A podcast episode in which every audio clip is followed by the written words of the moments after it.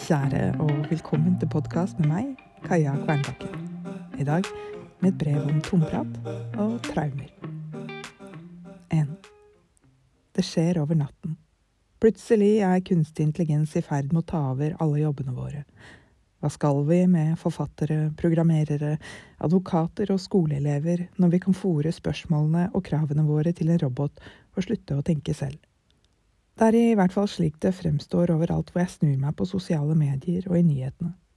De som er positive, klapper i hendene og sier at nå er det bare et spørsmål om tid før vi alle kan sette oss tilbake og nyte et liv der maskinene gjør drittarbeidet og vi mennesker gjør kun de tingene vi har lyst til. Jeg har hørt tilsvarende sitater fra så langt tilbake som den industrielle revolusjonen, men rikdommen og tiden maskinene kjøper, fordeles ikke utover massene den konsentreres på stadig færre hender på toppen.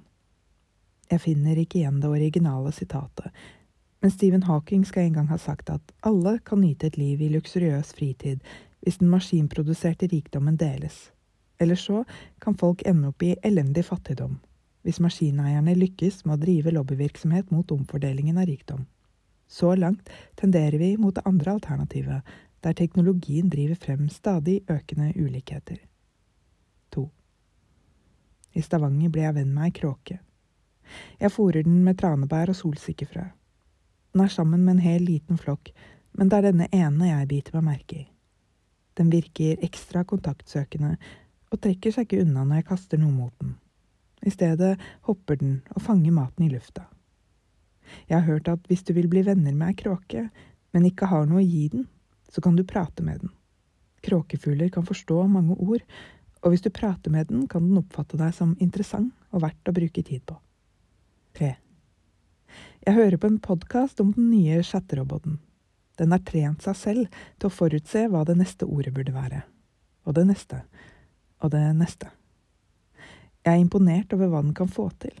Den gir meg oppgaver jeg kan øve på når jeg koder, et treningsprogram for den vonde ryggen, men jeg synes beskrivelsen av hvordan den fungerer, høres farlig likt ut hvordan et barn med traumer lærer seg å forutse hva det skal si for å gjøre de voksne glade, eller holde seg selv trygg.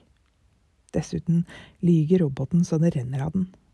Det viktigste for den er ikke at det den sier er sant, men at vi tror på den. At det den sier høres sannsynlig ut.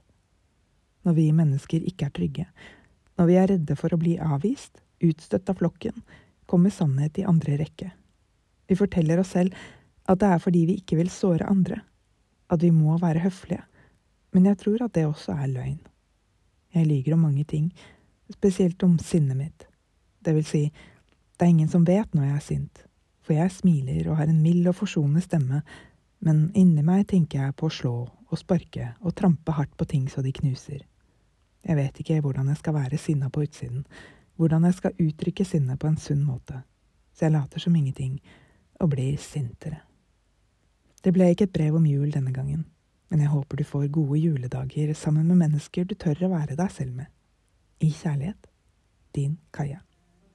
Forresten, setter du pris på denne podkasten?